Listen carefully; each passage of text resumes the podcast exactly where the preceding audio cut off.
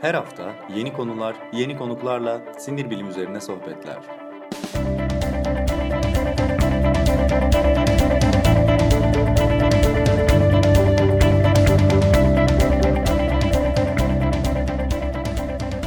Neuroblog Podcast başlıyor.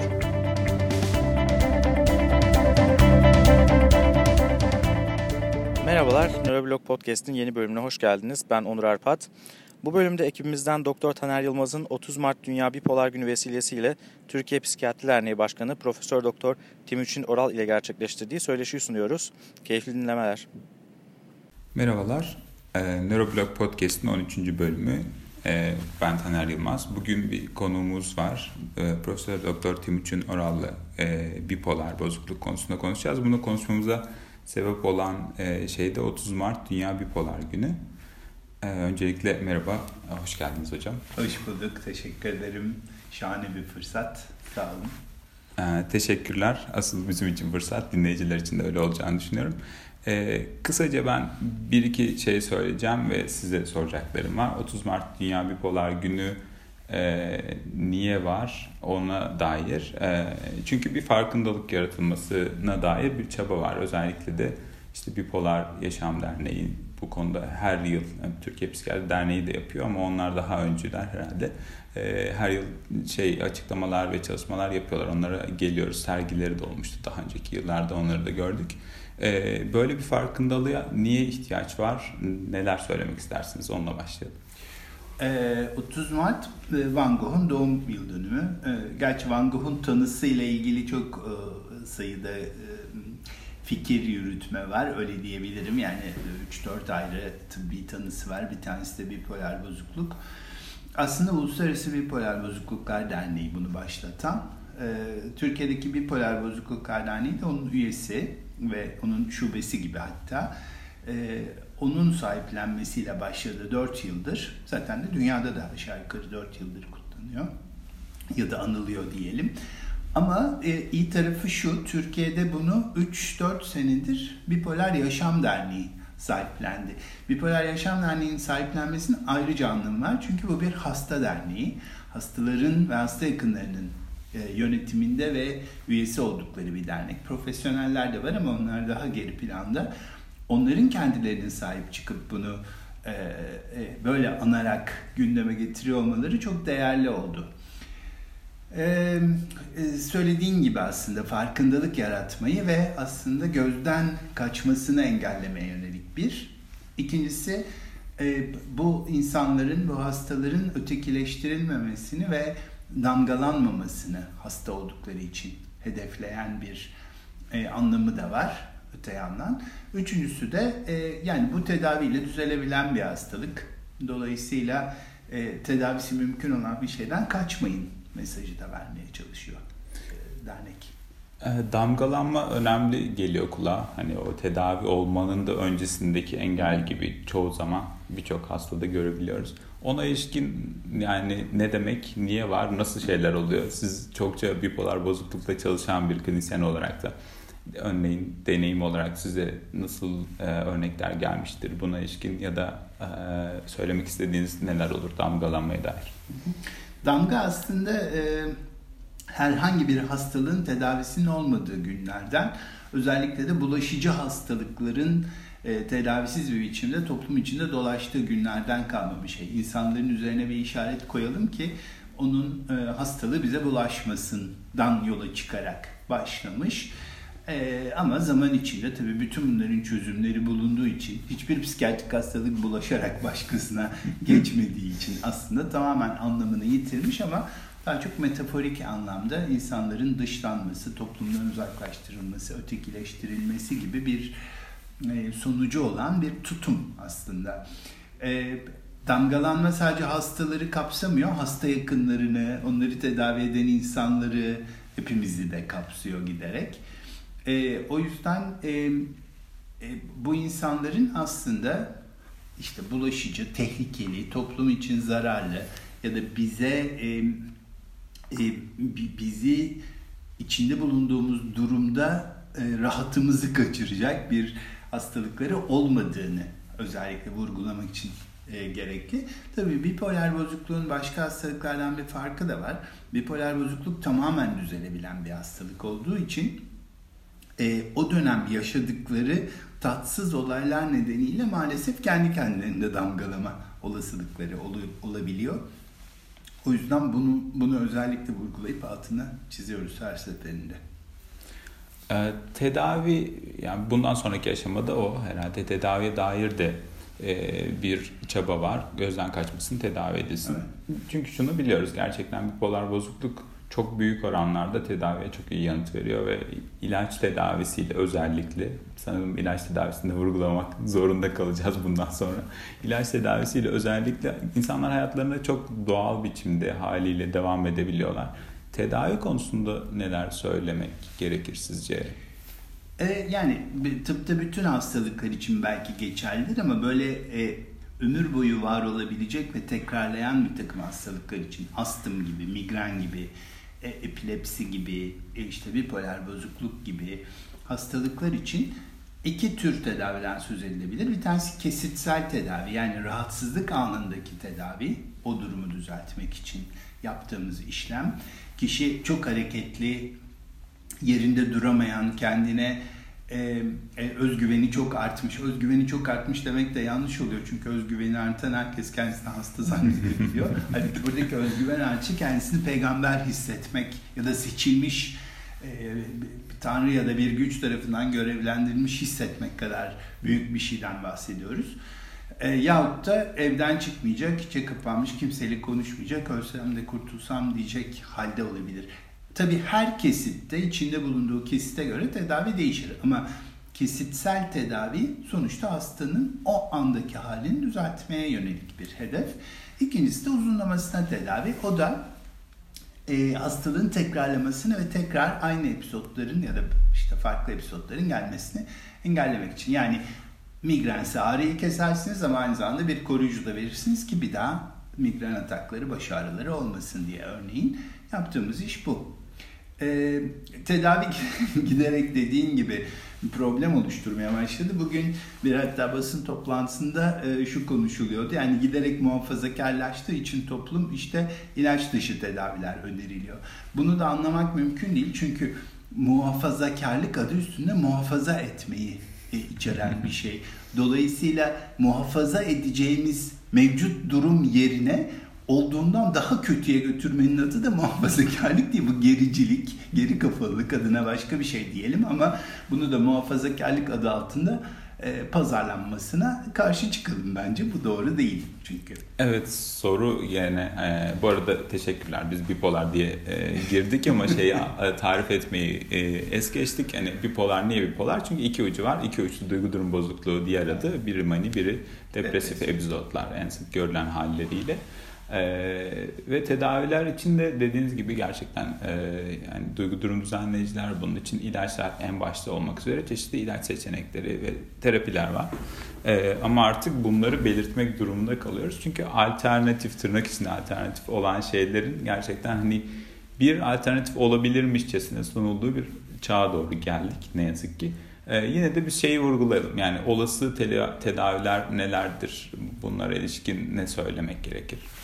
E, kesitte yapılan e, tedavide e, depresyonsa depresyon giderici ilaçlar eğer aşırı hareketlenmeden ve e, bir e, düşünce bozukluğundan bahsediyorsak buna yönelik antipsikotik dediğimiz tedavilerden bahsedebiliriz. Ama uzun vadede senin de söylediğin gibi duygu durum dengeleyici dediğimiz bir takım ilaçlar var. Başlıcası lityum.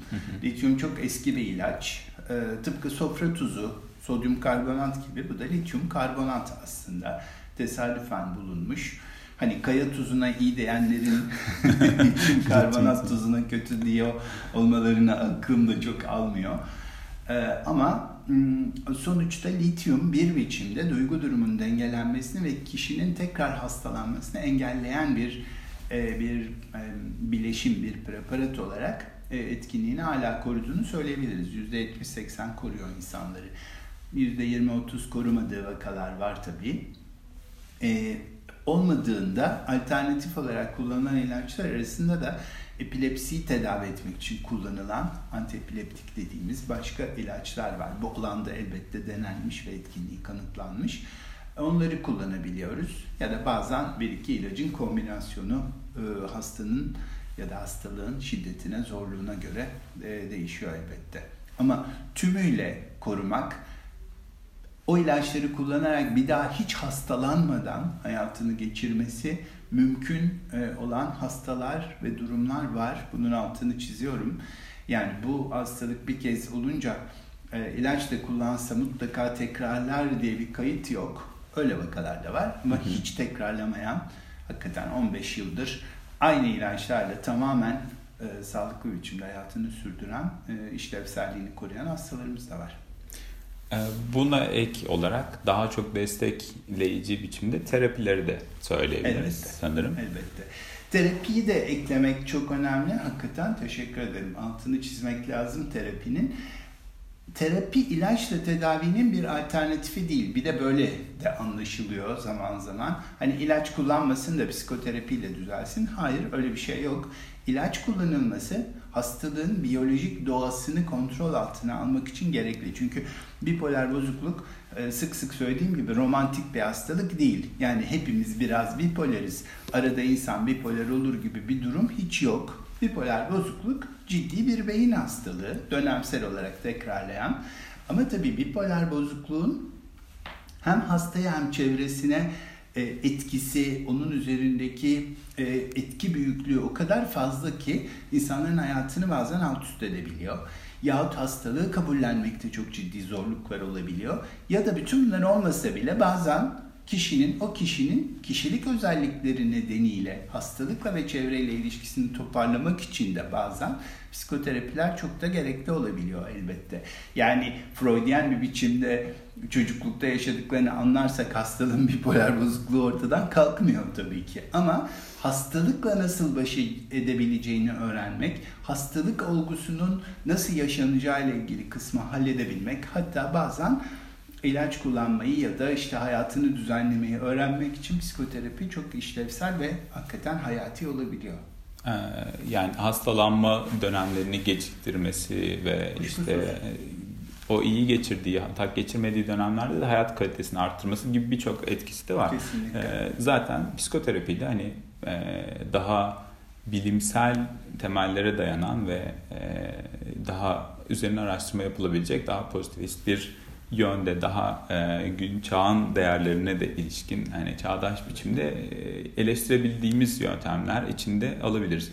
Ama bunun dışında tabii şey falan diye de sorasım geliyor. Çünkü böyle sorular yakında gelecek mi diye de endişeleniyorum. Hacamat hocam kötü kanı vücuttan atmak bipoları engeller mi gibi. Bu tabii işin şakası ama alternatif olarak sunulan şeyler akupunktur falan mesela daha çok duydum. Ne yazık ki hastalarımdan da duydum. Hani ilaçlarını kesip akupunktur yaptırıp sonra atağa e, soktukları zavallı insanlar oluyor. Bunlara dair ne düşünüyorsunuz? E, Valla bugün basın toplantısında da bu soruyu sordular. Şöyle dedim. E, eskiden e, e, insanlar işte hastalarını e, doğal kusun diye hocaya götürürlerdi. Hocalar ilaçlarını kesin deyip e, işte dini telkin verirlerdi ve insanlar hastalanırdı. Ama bugün geldiğimiz noktada biz e, onları eğitmeyi başardık. Hocalar hastaları diyorlar ki ama ilaçlarınızı kesmeyin ama ben size dua edeyim ya da bu konuda dini telkin vereyim. Fakat bu tırnak içindeki modern hocalar işte akupunkturdu, hacamattı, sülüktü gibi tuhaf e, uygulamalar yapabiliyorlar. Hacamat ve sülüğün tıpta yeri olabilir. Geçmişte de olmuştur. Hacamat dünyada da var. Flebotomi adıyla. Hmm. Ama hacamatın etkili olduğu bir tane hastalık var. Bilemediğiniz iki tanedir belki. O da polisistemi denilen hastalık. Yani kanın e, hücrelerinin çok fazla olması ile giden bir hastalık türünde hakikaten e, bunu yapmak yararlı olabilir. Ama onu yapacağınıza gidip Kızılay'a kan verirseniz mesela o da aynı derecede iş görür. Daha az travmatik, daha az enfeksiyon riski. Oranızı oranızı kestirmek zorunda da kalmazsınız.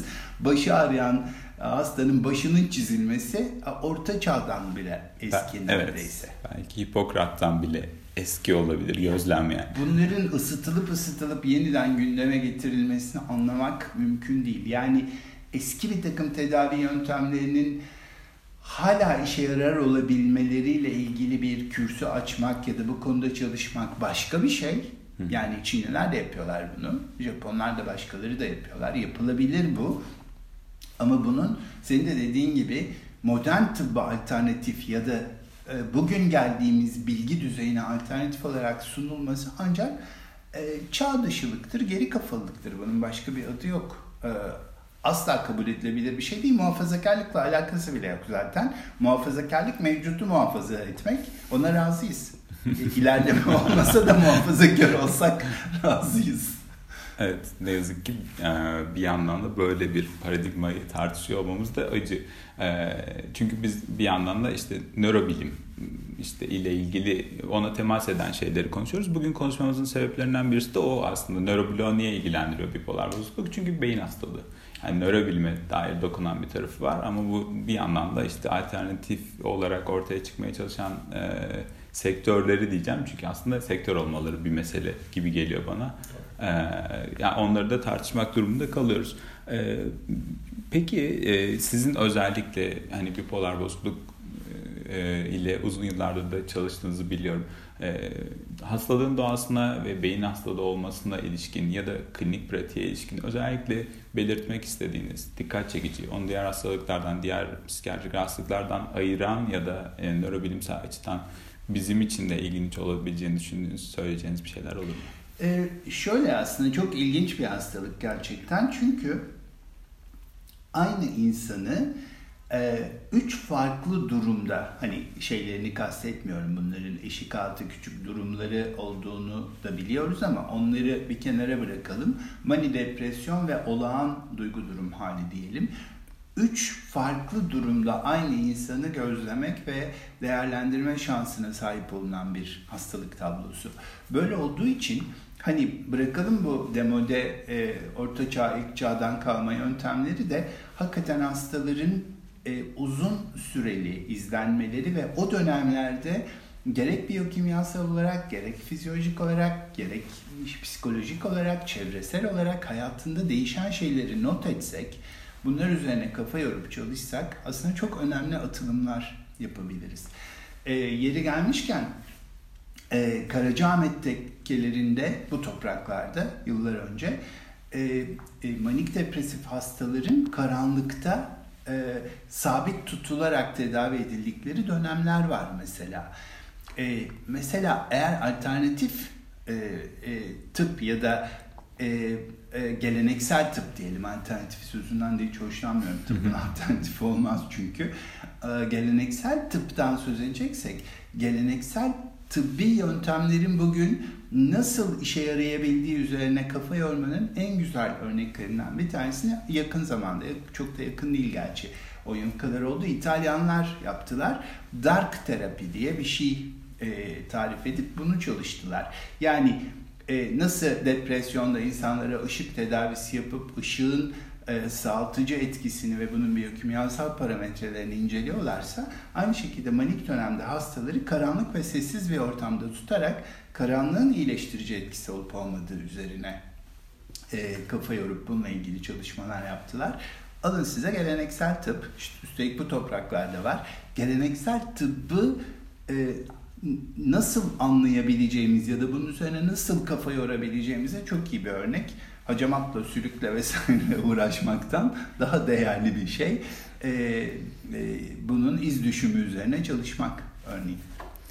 Ee, Twitter'da gördüm kaynağından çok emin değilim o yüzden çok kesin söylemeyeceğim ama e, şey yazıyordu e, işte İbn Sina uzmanı olan e, işte 5 tane uzman varmış İsrail'de Türkiye'de hiç yok diye. Bilmiyorum kaynağı ama muhtemel. Hani bu, bu bilginin kendisi doğru olmasa da olabilitesi yüksek. Çünkü gerçekten hani mevcut olanlara dair de bir araştırıp ne olup bittiğini anlamaya ilişkin çabamızın çok yüksek olmadığını söyleyebiliriz. O yüzden e, çok kolay kandırılmaya meyilli gibi bir ortam var. E, evet. Sanırım hayatın bütün alanlarında yakın zamanda finansal alandaki bu dolandırıcılıklar da dikkat çekmişken e, bunun önüne geçmek için de herhalde gerçekten bir ne olduğunu bilmek, eskiden ne yapıldığını anlamak için bir şeyler yapmak çok değerli. Ben de öyle düşünüyorum. Hani geleneksel olan da ne yapılıyordu? Bir işe yarar mıydı? Bir anlamı var mıydı?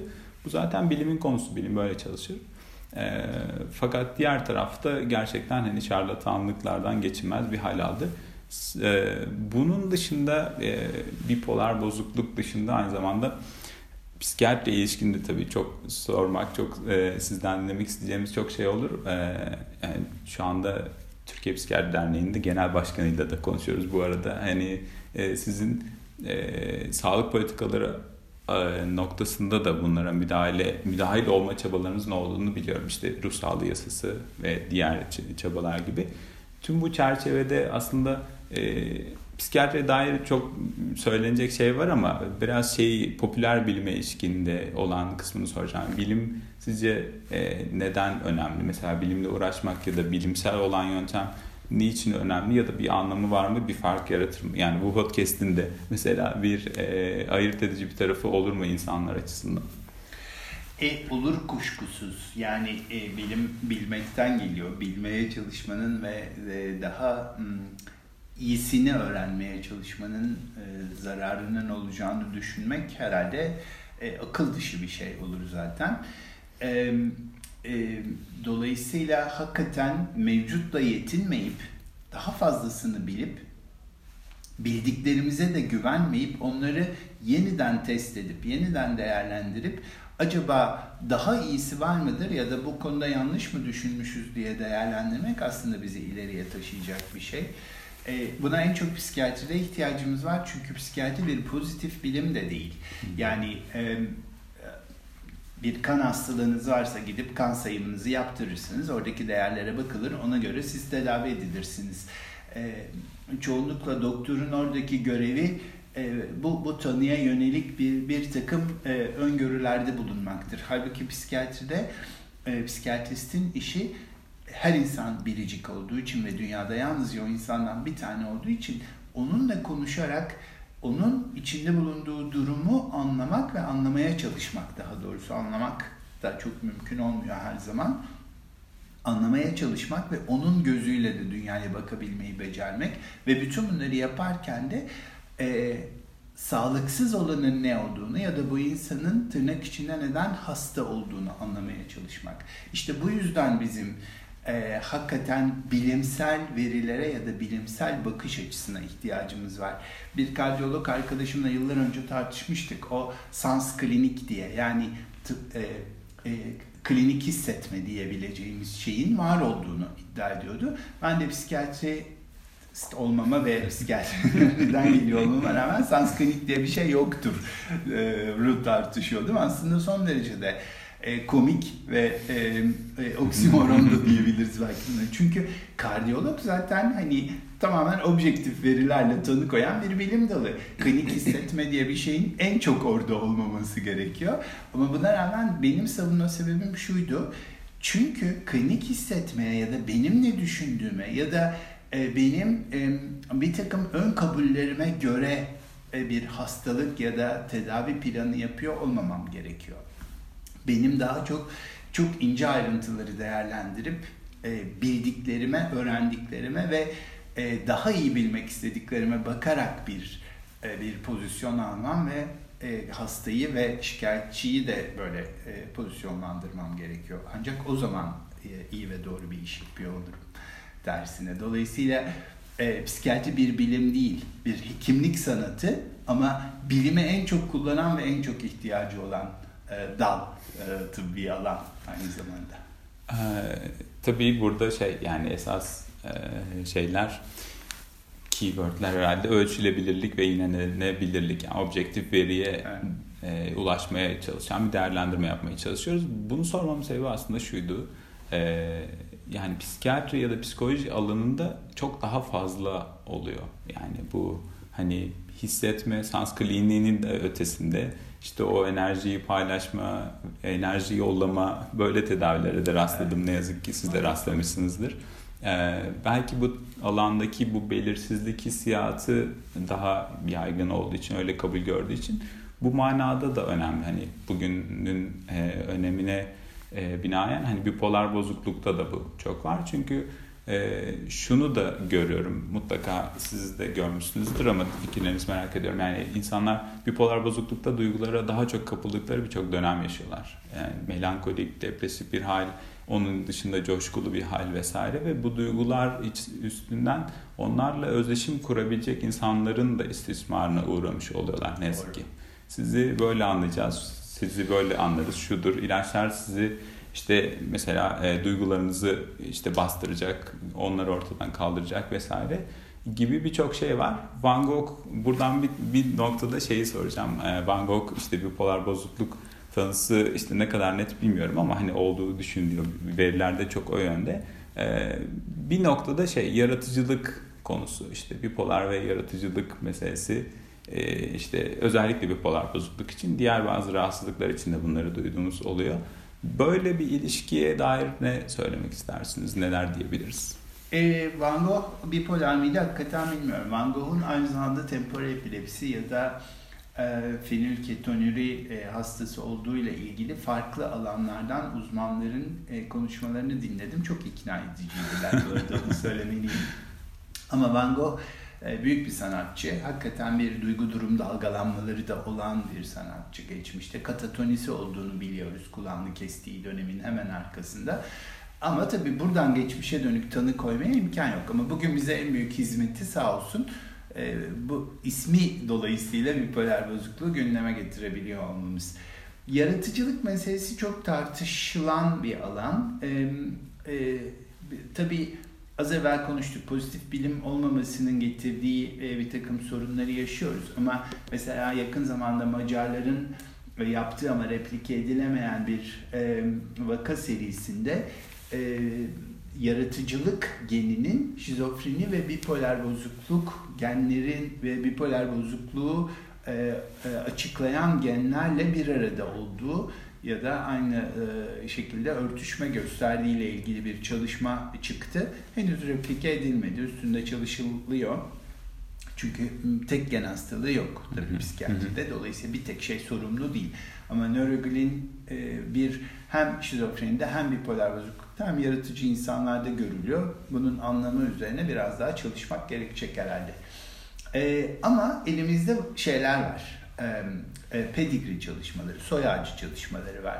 E, İsveç'te yapılan epeyce de büyük yani 30 bin e, kişiyi değerlendiren bir çalışma var ki yaratıcılığı olan insanların ailelerinde bipolar bozukluğun, bipolar bozukluğu olan insanların ailelerinde yaratıcılığın çok sık görüldüğüyle ilgili net veriler var ve bu sadece bipolar bozukluk, örneğin major depresyon, tekrarlayan depresyon hastaları için gösterilemedi.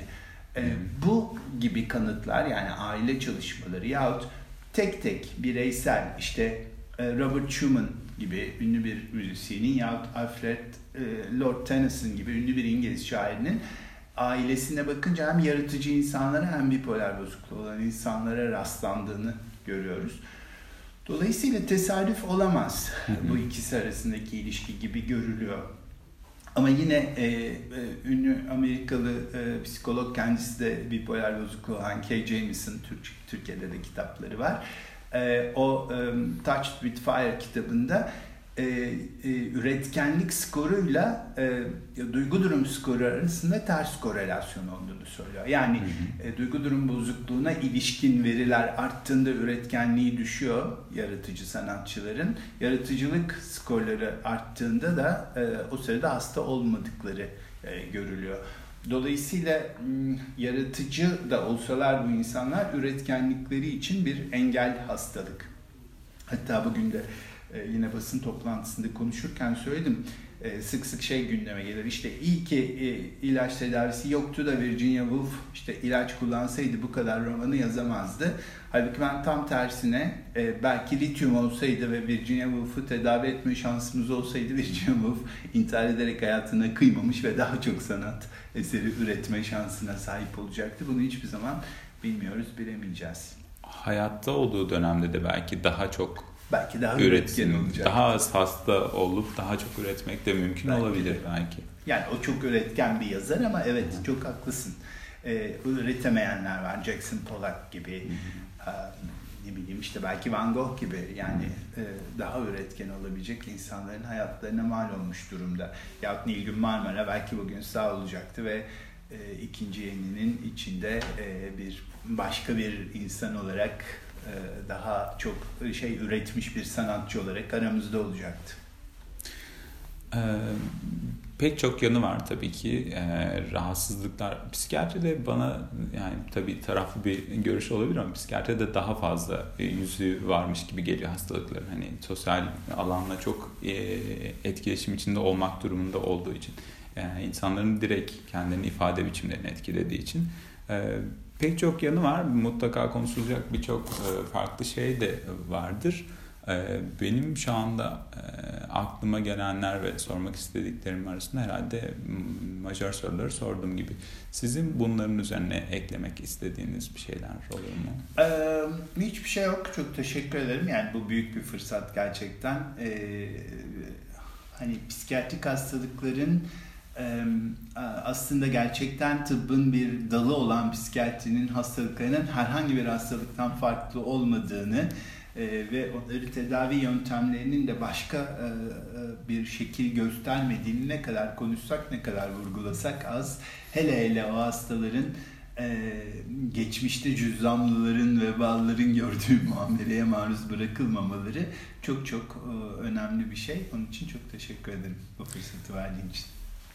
Biz çok teşekkür ederiz. Dinleyicilere de çok teşekkür ederek kapatayım. Görüşmek dileğiyle. Her hafta yeni konular, yeni konuklarla sinir bilim üzerine sohbetler.